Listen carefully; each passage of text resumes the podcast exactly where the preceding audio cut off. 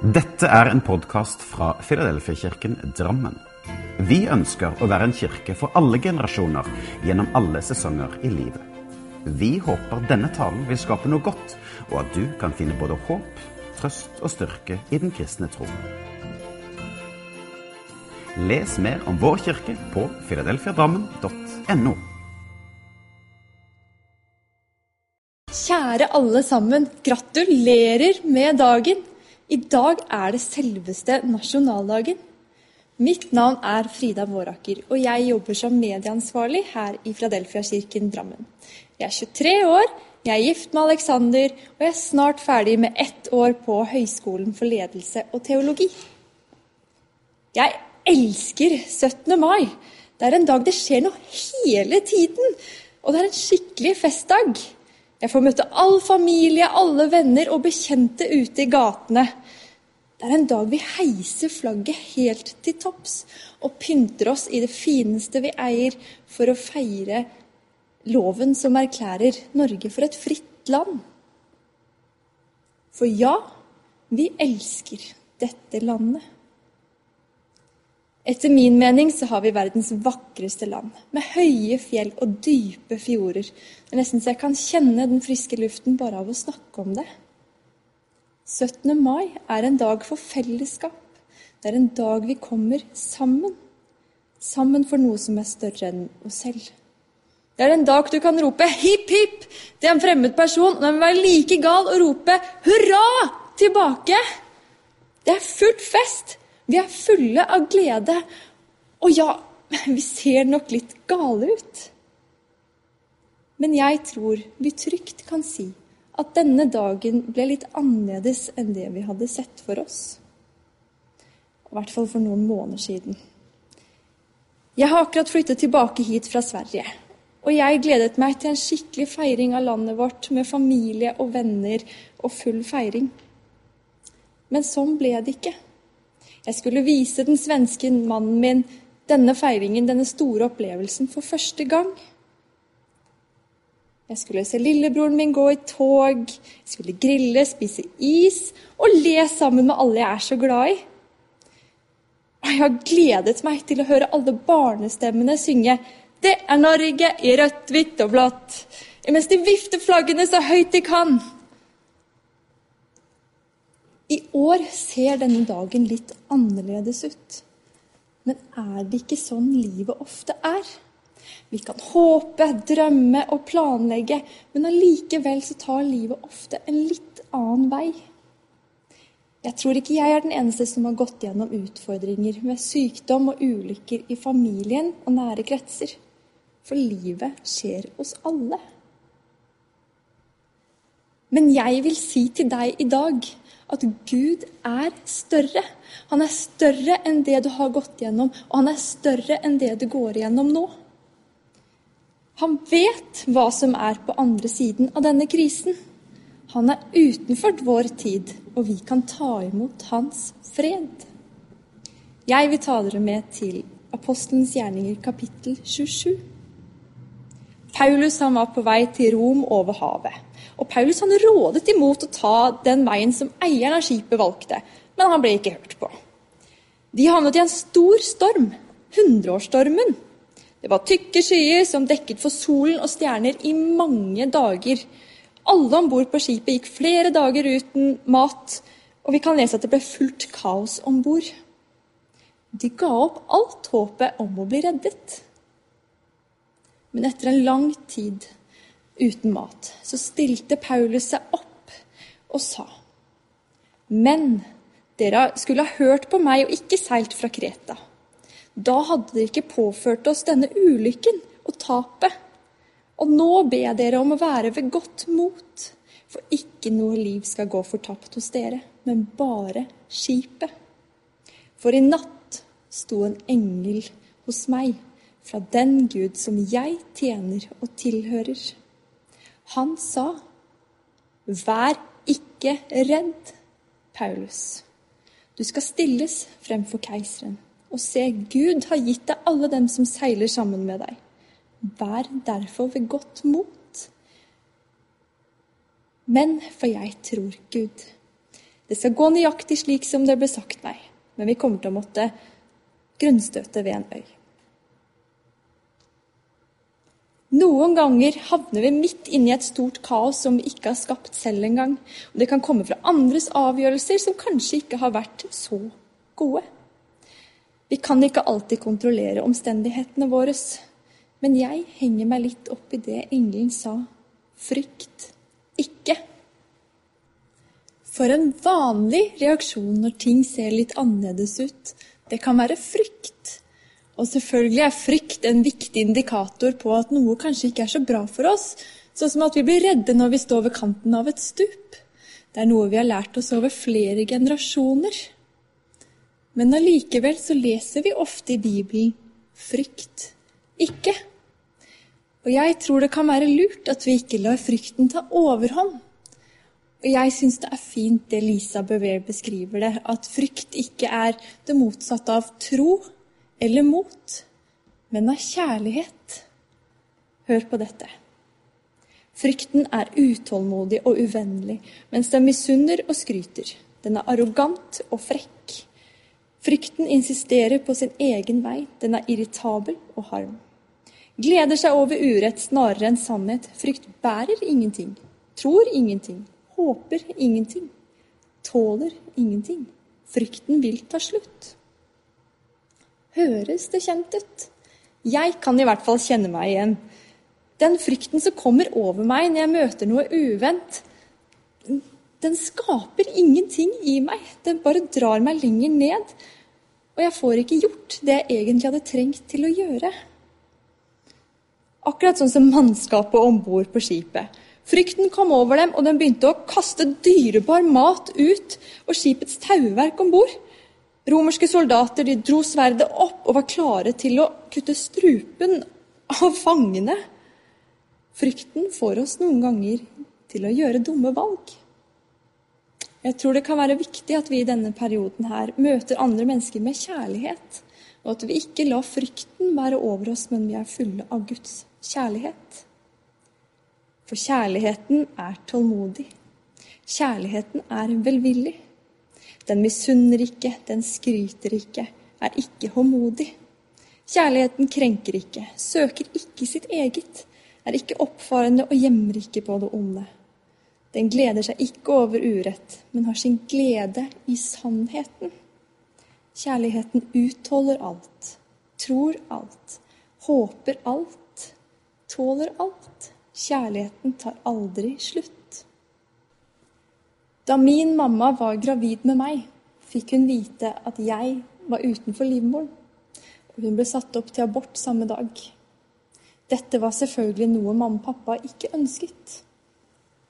Personen som var før mamma, hun ble trillet ut, og mamma var neste. Hun gikk inn på badet for, en, for et øyeblikks alenetid. Hun gråt, og hun ba. Ikke at det var verdens lengste bønn, men det var fra hjertet. Hun ble fylt med en umiddelbar fred, og hun fikk bibelverset. Frykt ikke, for jeg er med deg. Se deg ikke rådvill omkring, for jeg er din Gud. Jeg styrker deg, ja, jeg hjelper deg. Jeg holder deg oppe med min rettferds høyre hånd. Mamma hun gikk ut av rommet. Og da kom det en ny lege inn på rommet som hun aldri hadde sett før. Og han sa, 'Jeg syns vi skal ta en ekstra kikk'. Morgenen etter kunne de se bildet. Jeg var inne i livmoren. Jeg som bare noen timer tidligere hadde vært utenfor. Gud hadde gjort et mirakel. Frykt ikke. Gud har kontroll over situasjonen din. Denne stormen ødela skipet til Paulus og gjorde så de havnet i land på en fremmed øy, Malta, som betyr tilflukt. Vi kan lese. Da alle var kommet velberget til land, fant vi ut at øya het Malta. Innbyggerne her Innbyggerne her viste oss uvanlig stor vennlighet og gjestfrihet. De ønsket oss alle velkommen og tente opp et bål for oss, fordi det hadde begynt å regne og var kaldt. Paulus hadde også samlet en bunt med kvister som han ville legge på bålet. Da krøp en giftslange ut av kvistene pga. varmen, og den bet seg fast i hånden hans. Altså, stakkars Paulus, snakk om uflaks. Da innbyggerne så det dyret henge fast i hånden hans, sa de til hverandre denne mannen er sikkert en morder. Selv om han ble reddet fra havet, skal han visst likevel dø. Men Paulus bare ristet av seg dyret inn i flammene og tok ingen skade av det. I dette området så bodde lederen på øya. Han het Publis og tok godt imot oss. Han var høflig og ga oss husly og mat i flere dager. Nå viste det seg at faren til Publius lå syk med en magesykdom og hadde feber. Paulus gikk inn og ba for mannen, la sine hender på ham og helbredet ham. Denne hendelsen ble fortalt utover øya, og snart kom også de andre som hadde sykdommer, og ble helbredet. De viste sin takknemlighet ved å overøse oss med gaver, og da vi skulle reise derfra, ga de oss all den provianten vi kunne trenge for reisen. Malta det var ikke med på planen til Paulus. Og han hadde så uflaks at han havnet i en stor storm. Båten ble ødelagt, og på toppen av det hele ble han bitt av en giftig slange. Jeg tror vi trygt kan si at denne ikke dagen ble helt sånn som han hadde sett for seg. Men her fikk Paulus et valg. Han kunne sette seg ned og bare sitte der. Eller så kunne han reise seg opp og gjøre noen ting og gjøre det beste ut av situasjonen. Vi kan spørre Gud om det er noe han ønsker at vi skal fokusere på å gjøre i denne tiden med isolasjon. Jeg syns det er litt underlig, jeg, da. At akkurat denne hånden som Paulus ble bitt i, den brukte han til å legge på andre mennesker, og de ble helbredet. Kanskje var det sånn at Gud brukte denne situasjonen for å vise menneskene på øya at Gud er større. De gikk bare og ventet på at han skulle dø, men Gud gjorde det umulige. Han viste dem at han er ekte, og han er større enn alt. De fikk oppleve Guds godhet, hans kjærlighet. Noen ganger tar livet oss med på noen stopp langs veien, men Gud er fortsatt med oss da òg. Kanskje kan de situasjonene gjøre at vi kan oppleve å gjøre noen ting som vi ikke kunne ha gjort ellers. Denne situasjonen vi står i nå, er grusom, men kan den være med å vise deg at Gud er større? Han er større enn det du går og bekymrer deg over. Han er større enn det du har vært igjennom. Han ser deg, og han vil vise deg sin godhet, hans kjærlighet. Vi kan lære oss noe når det uventede skjer. Vi kan stoppe opp og vi kan tenke over hvordan vi reagerer når ting kanskje blir litt annerledes enn det vi hadde tenkt. Vi kan istedenfor å grave oss ned, løfte blikket og ta imot Guds fred. Gud vil bære deg igjennom. For Paulus han ble ikke værende i stormen. Han ble ikke værende på øya. Han skulle igjennom. Han dro videre. Kan vi prøve å få med oss noe positivt ut av denne situasjonen og bære det med oss ut? Har du noen tanker du kanskje har blitt kjent med disse dagene her, som du ikke visste at du hadde? Du kan lære deg nye, sunne vaner og la det bli rotfestet inni deg, slik at du kan ta det med deg ut. Vi kan ta det vi har, gi det til Gud, og så kan han snu det til det positive. For han er større. Ved å la Gud hjelpe deg, kan du kanskje hjelpe noen andre i senere tid som går igjennom akkurat det du har stått i nå. Vi kan jobbe med friheten i vår egen kropp, mens vi kanskje ikke er så frie til å gå ut. 17. mai er en dag vi feirer friheten her i landet vårt. Og det er fortsatt like sant som det det var for ti år siden. Det ser kanskje litt annerledes ut, men friheten er fortsatt den samme. Det kan være at du ikke føler deg så fri akkurat der du sitter hjemme nå. Men jeg vil si til deg at Guds fred overgår all forstand, og han har satt oss fri fra syndens lenker ved Jesu dyrebare blod. Bruk denne tiden midt i det uventede. La ikke frykten ta overhånd. Bruk situasjonen og reis deg opp og ta imot Guds frihet og fred. Hold derfor fast på den frihet som dere har fått på grunn av Kristus. Noen ganger må vi lukke øynene for å se. Det er Guds ord som holder oss fast. Hjelpen du trenger, styrken du trenger, er allerede der. Noen ganger kan vi finne Gud på uventede steder. Det kommer en tid hvor all sorg og smerte vil bli visket bort. Men pga. det Jesus har gjort for oss, kan vi ta imot litt av den friheten allerede nå. La Han sette deg fri. Slipp det gamle, slipp de usunne tankene og de løgnene du kanskje har trodd på om deg selv i flere år. Ta imot Hans frihet. Han elsker deg, og Hans nåde er nok. På grunn av Jesus er du nok. Du er trygg. Det er noen som bryr seg om deg. Du er sett. Du er tilgitt. Du er fri. Du har håp.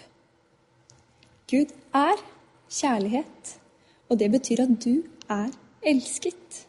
Gud er fred, og hans fred lever inni deg. Gud er nok, så du er nok.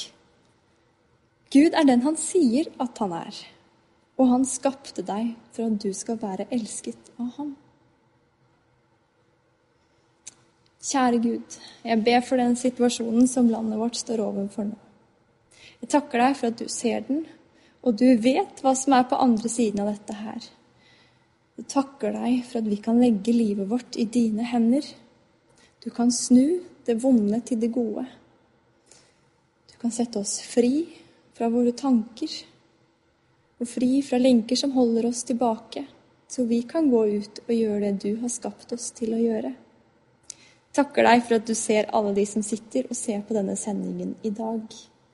Må du nå hjertene deres og ta frem gullet inni dem, og at de skal få lov til å se seg selv gjennom dine øyne. Kom med din kjærlighet og kom med din fred. Takk for at vi lever i et fritt land Takk for Norge. Takk for friheten. Og takk for en utrolig fin festdag. Amen.